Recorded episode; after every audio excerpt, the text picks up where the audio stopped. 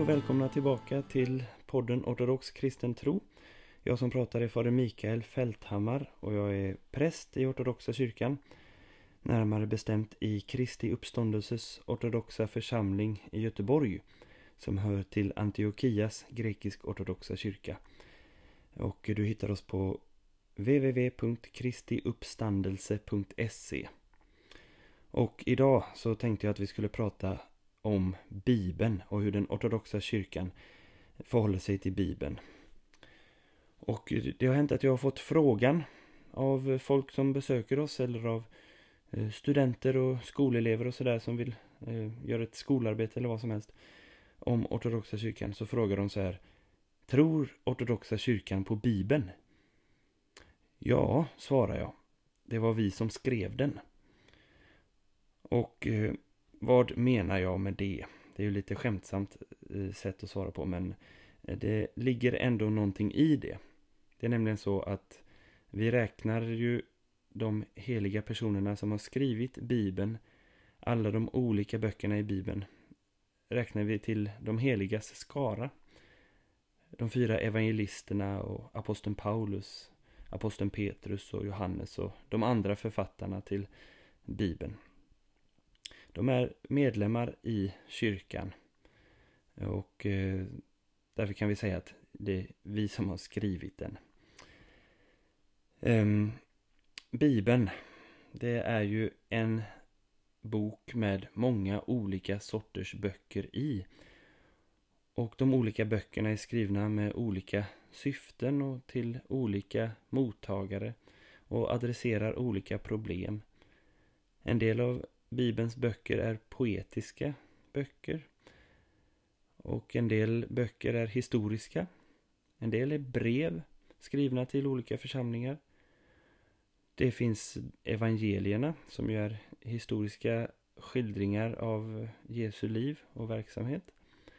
Och så finns det eh, apokalyptiska böcker också. Och den, det betyder böcker som handlar om den yttersta tiden kan man säga. Det är vad som ska hända vid Kristi återkomst och sådana där saker. Så det är en, Bibeln är en bok med många olika slags böcker i. Och eh, det får man vara medveten om när man läser dem så man inte läser det som en eh, roman eller något sånt där. Men det kanske ni redan visste. Den ortodoxa kyrkan är en bibelkyrka i allra högsta grad. Hela, Eh, alla våra gudstjänsttexter är eh, djupt präglade av bibelställen, skriftställen. Om man kollar på vår huvudgudstjänst på söndagarna som kallas den gudomliga liturgin så eh, är det flera, flera bibelreferenser på sida upp och sida ner. Eh, och eh, när vi ber våra timböner, alltså det som motsvaras av tidegärden i västlig kristenhet, det vill säga de böner man ber vid olika tidpunkter under dagen, så är de eh, merparten av de bönerna utgörs av eh, saltarsalmer, saltarläsning. Så vi ber med en av Bibelns böcker helt enkelt, nämligen saltaren.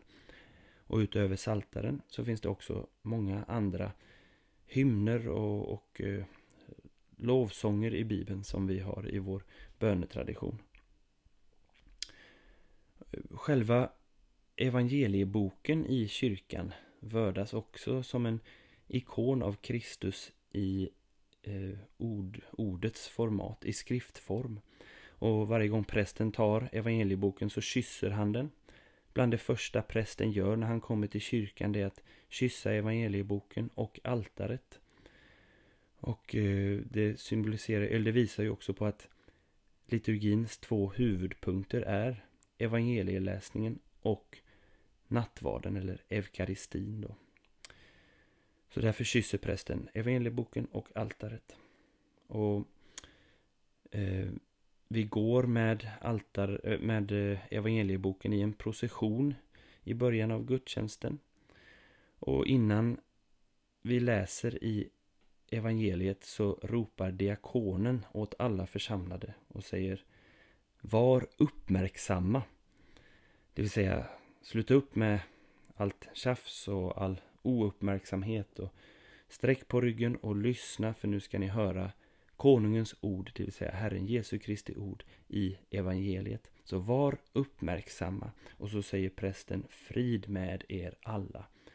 Och sen så lyssnar man till evangeliet ståendes och med böjt huvud i vördnad för just konungens ord. Och innan eh, prästen läser evangeliet så ber han en bön som jag tänkte att jag skulle läsa för er här. Och den lyder så här. Bönen före evangelieläsning. Prästen läser, eller ber.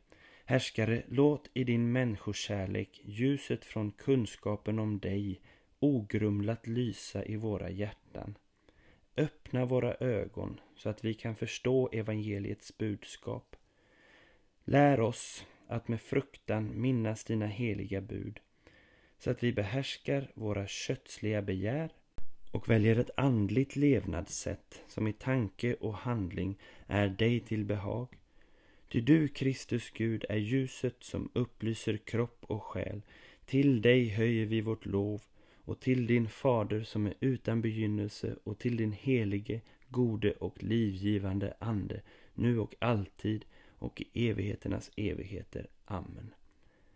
Så ber prästen, så att var och en, inklusive han själv, som hör evangeliet ska öppna sitt hjärta och låta sig förvandlas av de orden som han hör. Så det är något om eh, Eh, Bibelns plats och evangeliets eh, plats i kyrkan och i gudstjänsten. Men samtidigt som vi tror på Bibeln så är vi inte en kyrka som säger att Bibeln bara är det som avgör hur och varför vi tror som vi gör. Det är ju så att man inom den protestantiska kristenheten talar om sola scriptura, det vill säga skriften alena. Och för Luther så innebar det nog att eh, det var skriften som skulle vara den yttersta grundvalen för vad kyrkan skulle tro och det som man inte hittade i skriften ehm, det skulle liksom bort. Men sen så kom det att ja, vad ska man säga? Eh, ändras ganska så drastiskt i takt med att den eh, protestantiska kristenheten eh, växte vidare och splittrades vidare i olika grenar. Så idag så har eh, skriften alena ofta kommit att betyda att eh, en slags eh, bibelfundamentalism eller alltför hög tilltro till intellektets eller själens förmåga att utröna vad skriften vill förmedla. Ja, vad betyder det nu då? Det var kanske inte så tydligt sagt. Ehm, men det betyder att eh, många protestantiska kyrkor menar sig tro på Bibeln och menar sig också tro bara på Bibeln och ingenting annat. Vi tror bara på det som står i Bibeln. Men det är bara det att man kan inte enas om vad det är Bibeln vill förmedla. Så därför tror en protestantisk kyrka att man inte ska döpa barn medan en annan tror att eh, det är okej med barndop till exempel. Bara för att ta ett exempel. Och då får man gå tillbaka till det här sola scriptura, skriften alena. Även om det var goda intentioner tror jag som Luther hade när han ville korrigera vissa missbruk i den romersk-katolska kyrkan under medeltiden. Så blev det där skriften alena. Det kom att bli subjektet alena. Det vill säga, det blir upp till subjektet att avgöra vad det är skriften säger. I den här förvrängda formen av skriften alena. Och då kokas det så småningom ner någorlunda till att man ändå hör till någon form av tolkningstradition oavsett vilken, vilket kristet samfund man hör till. Så lutheraner kommer att tolka och förstå skriften utifrån vissa parametrar medan en pingstvän eller baptist förstår skriften utifrån sin tradition även om man inte vill befatta sig med ord som tradition överhuvudtaget. Och där kommer den, där är det så tryggt för mig personligen att veta att jag hör till den ortodoxa kyrkan och våran tradition går hela vägen tillbaka till apostlarnas dagar. Och eh, det, den traditionen är inte ett dött upprepande av eh, gamla seder och bruk utan det är en levande trons gemenskap genom seklerna som har förvaltat och traderat vidare den kristna tron och eh, inkarnerat den kristna tron i sina olika respektive tider. Men det går en konkret linje, en levande länk hela vägen tillbaka till apostlarna och till Kristus själv. Så den traditionen som jag hör till är, eh, kan jag lita på att den är tryggt och väl förvaltad. Det är den helige Ande som eh, är tradition, eh, som är livet, kyrkans liv genom seklerna. Och det finns faktiskt ett helgon som dog under Sovjetdiktaturen. Eh, Den helige biskopen och bekännaren Hilarion Troitsky. Han dog 1929 och satt bland annat som fånge på Solovkiöarna i Vita havet. Och han skriver så här. Kyrkans lära har endast en källa den helige Ande, som lever i kyrkan och som Kristus lovade skulle vägleda kyrkan i hela sanningen enligt Johannes evangeliets 16 kapitel, vers 13. Han fortsätter. Alltså äger kyrkan hela sanningen, inte eftersom hon förankrar den i Bibeln eller den heliga traditionen, utan enbart på grund av att hon i sanning är den levande Gudens kyrka sanningens pelare och grundval, vägledd av den heliga Ande. Jag minns när jag var ung och min mamma som jobbade i något som heter Oasrörelsen, som är en karismatisk förnyelserörelse i Svenska kyrkan, kortfattat. De skulle bjuda in någon ortodox talare. Och eh, hon sa att ortodoxa kyrkan, det är de som eh, kallar sig för den verkliga pingstkyrkan. Jag vet inte om det var exakt de orden men hon sa att mm, från de ortodoxa kan man få höra vadå karismatisk förnyelse? Vi har ju haft den heliga ande ända sedan pingstdagen. Och det, det stämmer verkligen att det finns en eh, sund och vacker eh, karismatik som inte påminner så mycket om den karismatiska rörelsen som har uppkommit eh, under 1900-talets senare hälft utan som är en uråldrig eh, och vacker karismatik där man fullt ut litar på att den heliga ande leder och verkar i kyrkan fortfarande än idag. Och det är då denna heliga ande som är källan till kyrkans lära. läran om skriften alena är ju inte heller eh, något som Bibeln själv förkunnar. Utan Paulus skriver till exempel ett klassiskt ställe i andra Thessalonikerbrevet, andra kapitlet, vers 15-17, så står det så här. Stå alltså fasta och håll er till de traditioner ni har fått, muntligt eller genom brev Må vår Herre Jesus Kristus själv och Gud vår Fader som har älskat oss och i sin nåd gett oss evig tröst och gott hopp uppmuntra era hjärtan och styrka er till allt gott i ord och gärning. Så där skriver Paulus själv Håll fast vid det ni har fått muntligt eller genom brev.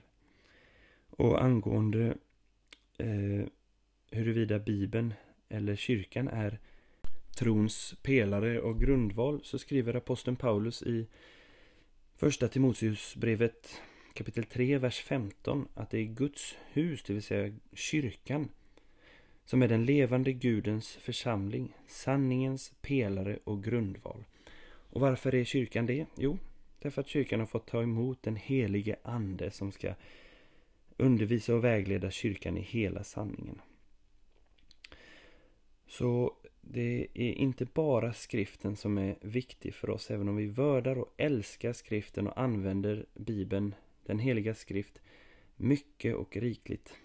men den har sin eh, plats i kyrkans gemenskap och jag ska återkomma till det alldeles strax. Men detta om att eh, kyrkan är trons pelare och grundval, det är också något som den helige Ireneus av Lyon förkunnar bland annat på cirka kring år 200. Då skriver han så här. Det som de, alltså apostlarna, förkunnade har sedan enligt Guds vilja förts vidare till oss genom skrifterna för att den skulle bli grunden och stödet för vår, trons, för vår tros pelare och grundval. Så grund och stöd till trons pelare och grundval. Och den helige Basileios den store, eh, han var bland annat, om du tror att den helige ande är Gud, så har du bland annat den helige Basileios den store att tacka för att han har mejslat ut språket om det. Det borde sätta honom i ära och vördnad för dig som lyssnar. Eh, han skrev i sin mycket viktiga skrift om den heliga ande så här. Vi nöjer oss inte med det som aposteln eller evangeliet anför utan säger också annat, både före och efter. Det har stor betydelse för mysteriet och vi hämtar orden ur den os oskrivna undervisningen om de flesta mysterierna har överförts utan skrift till oss kan vi ta emot detta också, nämligen att den heliga Ande är Gud. Jag tror, säger Basileios, jag tror också att det är apostoliskt att hålla fast vid oskrivna traditioner. Så det är ganska fantastiskt.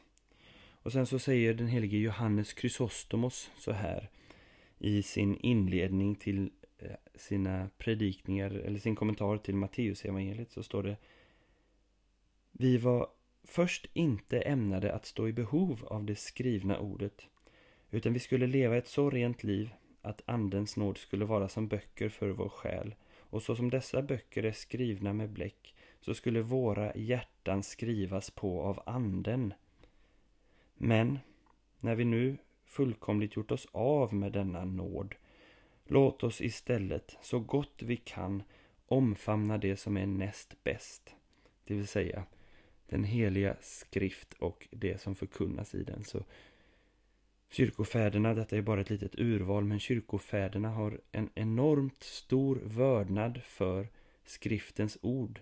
De älskar Bibeln och de kommenterar enormt mycket på Bibeln. Ehm, det finns eh, oändligt många kommentarer och det är eh, ljuvligt att läsa de kommentarerna. Det är ögonöppnande. Men de bejakar också att det finns oskrivna traditioner att eh, förlita sig till också. Och de traditionerna kan man lita på därför att de hör till kyrkans gemenskap som har konkreta rötter tillbaka i historien. Så det är inte bara eh, vilka traditioner som helst utan kyrkans traditioner. Och då kan man ju säga det att, jag sa i början att det var kyrkan som skrev Bibeln. Och det är också kyrkan som har tagit emot de böcker och brev som är skrivna. Och det är kyrkan som har beslutat vilka av de här böckerna och breven som ska ingå i den heliga kanon, alltså i det som nu är våran bibel. Och det är i kyrkan som de här orden får sin rätta uttolkning i kyrkans gemenskap. Jag ska återkomma till det alldeles strax, men vi ska prata lite grann om hur Bibeln enligt ortodox tro ska läsas och förstås. Hur man ska förhålla sig till Bibeln. Och eh, för det första kan man säga att eh, vi tror att skriften utgör en sammanhängande helhet, att det finns ett genomgående tema. Och eh, det temat är eh, Kristus, att Kristus är det som lyser fram på varje sida. Och vi tror också att det är Guds ord på mänskligt språk och att det som sagt är olika typer av böcker som ska förstås på olika sätt och vis. Så nu tänkte jag att vi skulle gå igenom fyra olika kännetecken för hur ortodoxa kristna närmar sig och förstår Bibeln. Och dessa har jag hämtat från eh, den brittiske metropoliten Callistus Ware som är biskop i den grekisk-ortodoxa kyrkan i England. Och de fyra är att vi ska läsa i lydnad. Det andra är att vi ska, läsningen ska vara förankrad i kyrkan, som en del av kyrkan. Det tredje är att läsningen ska vara Kristuscentrerad och det fjärde är att den ska vara personlig. Så eh, vi ska läsa under lydnad, det är det första då. Eftersom det är Gud själv som talar till oss i Bibeln så är det viktigt att vår respons är lydnad. Att vi eh, Eh, tar emot Guds ord och att vi lyssnar. Och Callisto Ware skriver att när vi läser så väntar vi på anden. Och nu när jag sitter här och pratar så drar jag mig till minnes ett eh, ord från antingen Efraim Syrien, jag tror Efraim Syrien, men det kan också vara Isak Syrien. Som säger något i stil med att be alltid den helige ande om hjälp att läsa när du öppnar den heliga skrift så att du kan förstå. Ungefär som prästen ber i eh, den gudomliga liturgin innan evangelieläsningen. Så vi ska närma oss skriften när vi ska läsa eller när vi ska lyssna. Så ska vi närma oss skriftens ord med förundran och förväntan. Att eh, vi kanske ska överraskas av Guds ord i Bibeln. Och eh, ja, för övrigt så att lyssna till Bibeln, det var så de allra första kristna hörde Guds ord i evangelierna och i breven. Därför att eh, man hade ju inte böcker på samma sätt då som man har nu. Böcker var riktiga dyrgripar. Man fick höra de här skrifterna läsas upp under gudstjänsten. Och man bevarade de här enskilda breven som riktiga dyrgripar. Så samma förväntan och förundran som de första kristna kanske hade inför att höra Paulus brev eller Johannes evangelium läsas. Samma förväntan och förundran kanske vi också ska försöka komma och närma oss skriften med. Och även att när vi närmar oss skriften och ska lyssna så ska vi verkligen anstränga oss om att lyssna. Det vill säga lägg bort mobilen. Lägg bort alla jordiska omsorger och sätt er ner i tystnad för att lyssna till Guds ord. Det är faktiskt ett av de viktigaste orden som Guds moder Maria säger i evangelierna. I bröllopet i Kana så säger hon till tjänarna Gör det han säger åt er. Och hon säger det till tjänarna och hon säger det också till oss. När vi läser i Bibelns ord så ska vi inte bara förundras över det utan också göra det som står där i. Så det är en viktig grej med eh, den ortodoxa förståelsen av Bibeln är att vi ska läsa i lydnad. Och sen så ska vi, om vi går vidare till det andra, så ska vi förstå Bibeln genom kyrkan. Ehm, det är ju kyrkan som talar om för oss vad som är skrift. Det är kyrkan som har erkänt vilka böcker som ingår i kanon. Och därför så spelar det inte så särskilt stor roll huruvida det var Paulus som skrev Hebreerbrevet eller inte. Eller om vissa perikoper, alltså stycken i Paulus brev är eh, att författarskapet är ifrågasatt. Eh, eller att eh, om Johannes evangeliet inte är skrivet av Johannes eller någon sån där sak. Det spelar ingen roll. Därför att de ortodoxa räknar ändå alla dessa texter till den heliga skrift. Därför att det är accepterat av kyrkan och i kyrkan. Och så det är kyrkan som talar om för oss vad som är skrift. Och det är också kyrkan som talar om för oss hur skriften ska förstås. Och där kan man ju dra sig till minnes den etiopiske hovmannen som aposteln Filip kommer till och frågar honom Förstår du vad du läser? Och hovmannen säger Hur skulle jag kunna det utan att någon vägleder mig? Och det är ju enormt, enormt viktigt. Jag tänker på här nu i, när jag spelar in den här podden så har rättegången mot pastorerna i Knutby, Philadelphia, just eh, påbörjats. Och eh, där är liksom, de är självlärda pastorer som hittar på egna läror helt hipp som happ. Det är ju helt galet. De står helt utanför någon tradition. Och eh, de förstår inte vad de läser och därför gör de helgalna tolkningar. Men, och vi är alla i samma situation som den etiopiske hovmannen. Och vi behöver hjälp och vägledning för att förstå Guds ord. Och vår guide, vår vägvisare är kyrkan. De heliga fäderna lär att för att rätt förstå Guds ord så ska man ha ett rent hjärta. Man ska arbeta mot sina laster och man ska arbeta för att förvärva dygder, att vinna dygderna, ödmjukhet och kärlek och allt detta. Och då kan man få eh, förståelse, när man har ett rent hjärta kan man förstå Bibelns ord korrekt. Och de heliga fäderna, helgonen som har gått före oss, är sådana som arbetade på sin frälsning. Och eh, därför kan ge god vägledning.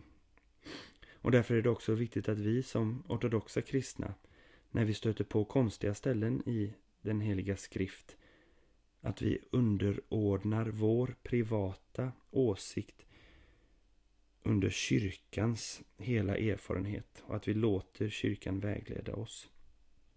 Så det är ett, ett sätt att förstå Bibeln tillsammans med kyrkan.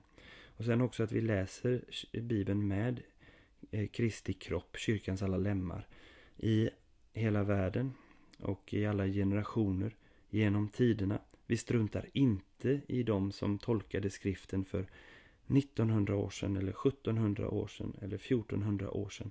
Utan vi tar även dem i beaktande.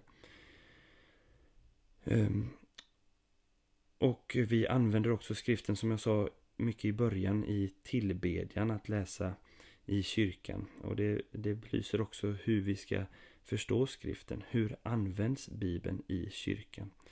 Mycket ofta som en bönebok.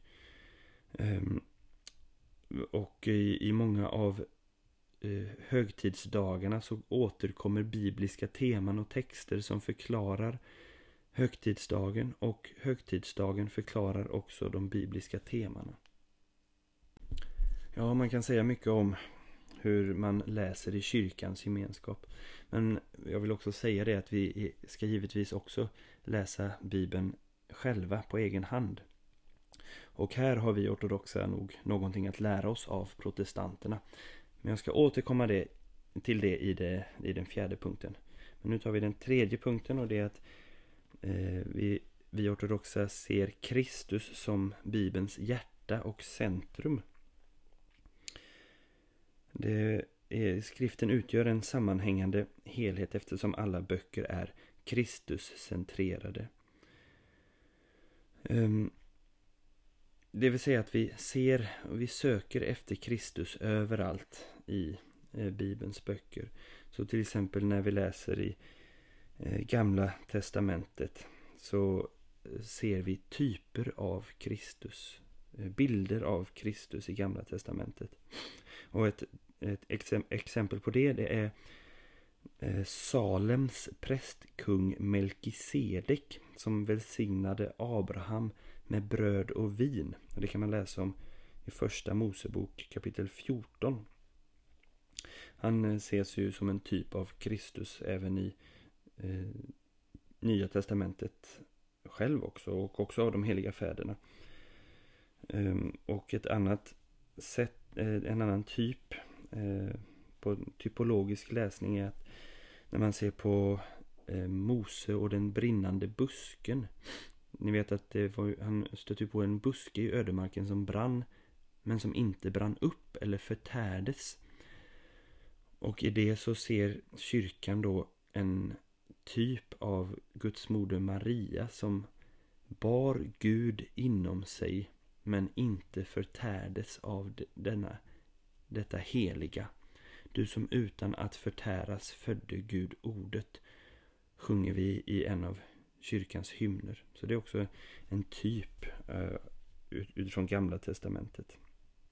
Callistus Ware, han skriver så här att en biblisk kristen är den som vart han än ser på varje sida i skriften överallt finner Kristus. Och det är fantastiskt att söka efter Kristus överallt i den heliga skrift. Och allra sist då, att vi ska vi som ortodoxa, vi ska förstå Bibeln som personlig när vi läser i den. Och jag har pratat om att eh, liturgin genomsyras av bibliska texter och vi vördar evangelieboken och, och ehm, att vi, eh, ja, vi har en hög syn på skriften i den ortodoxa kyrkan. Men i ärlighetens namn så skulle ortodoxa kristna generellt sett bli bättre på att läsa Bibeln. Och det finns många, många hjälpmedel för att göra det. Men eh, vi får börja med att förstå att Bibeln vill tala personligt till oss. Till omvändelse för oss på olika sätt och vis. Om man tänker på till exempel Antonius den store. Så fick han ju i kyrkan en gång höra evangeliet förkunnas och hörde orden Sälj allt du äger och kom sedan och följ mig. Och Antonius blev helt drabbad av de här orden och tog dem synnerligen personligt och gjorde just så att han sålde allt han ägde. Och så gick han ut för att leva som eremit i den egyptiska öknen. Den helige Markus munken, som också var en av de tidiga ökenfäderna, han sa När en som är ödmjuk i sina tankar och utför andliga gärningar läser den heliga skrift kommer han att säga att allt handlar om honom och inte om hans granne. Och vad betyder det? Det betyder att man applicerar skriftens ord på sig själv framför allt. Att man prövar sig själv efter evangeliets måttstock och försöker att själv i allt högre grad efterlikna det evangeliska livet som Herren själv beskriver i sin undervisning. Det är vad vi är kallade som kristna att göra. Och eh, just därför så är det så viktigt att vi också läser Bibeln själva och låter oss formas av skriftens ord. Och att vi gör detta delvis på ett personligt sätt men att vi ortodoxa läser personligt och också förenar vår personliga läsning med den heliga kyrkans läsning. Så att det som är fel i vår tolkning korrigeras gentemot den heliga kyrkans tro. Och, och då, om vi gör på det viset och om vi ställer våra hjärtan till Guds förfogande, då kommer det att bli som så att många olika slags helgon kommer att växa fram i vår kyrka. Inte bara i Grekland eller Ryssland och inte bara på kloster. Utan när vi formas enligt evangeliets modell så formas vi också till helgon i vår gemenskap här och nu. I Göteborg till exempel. Det är inget som säger att ett eh, helgon inte skulle kunna dyka upp här i vår gemenskap. Men det kräver att vi läser och förstår och tar till oss Guds ord i evangeliet. Det, den kristendom som vi finner i Bibeln, det är inte någon ideologi eller någon filosofisk teori, utan det är en levande tro. Och den är levande för att Kristus blev människa, Guds ord blev människa och sände sin helige ande som leder och undervisar kyrkan och var och en av oss som är i den ortodoxa kyrkan. Så vi ska också förvandlas och gudomliggöras i kyrkans gemenskap, bland annat genom läsningen av Guds ord i Bibeln. Ja, det finns givetvis väldigt mycket mer att säga om Bibeln och, och eh, Bibelns plats i den ortodoxa kyrkan. Men jag tror att jag nöjer mig eh, här och nu. Vi får se om vi återkommer till detta ämne någon annan gång. Det gör vi alldeles säkert. Du är varmt välkommen om du har någon fråga kring detta ämnet om Bibeln. Eller om du har någon fråga om något annat, om du undrar över något. Eller bara vill komma i kontakt med mig. Så kan du skriva till mikael.falthammar.gmail.com Så ska jag svara så snabbt jag kan. Tusen tack för att du har lyssnat på detta avsnittet och du får jättegärna lämna ett positivt omdöme på iTunes om du vill. Tack för att du lyssnade och Guds välsignelse.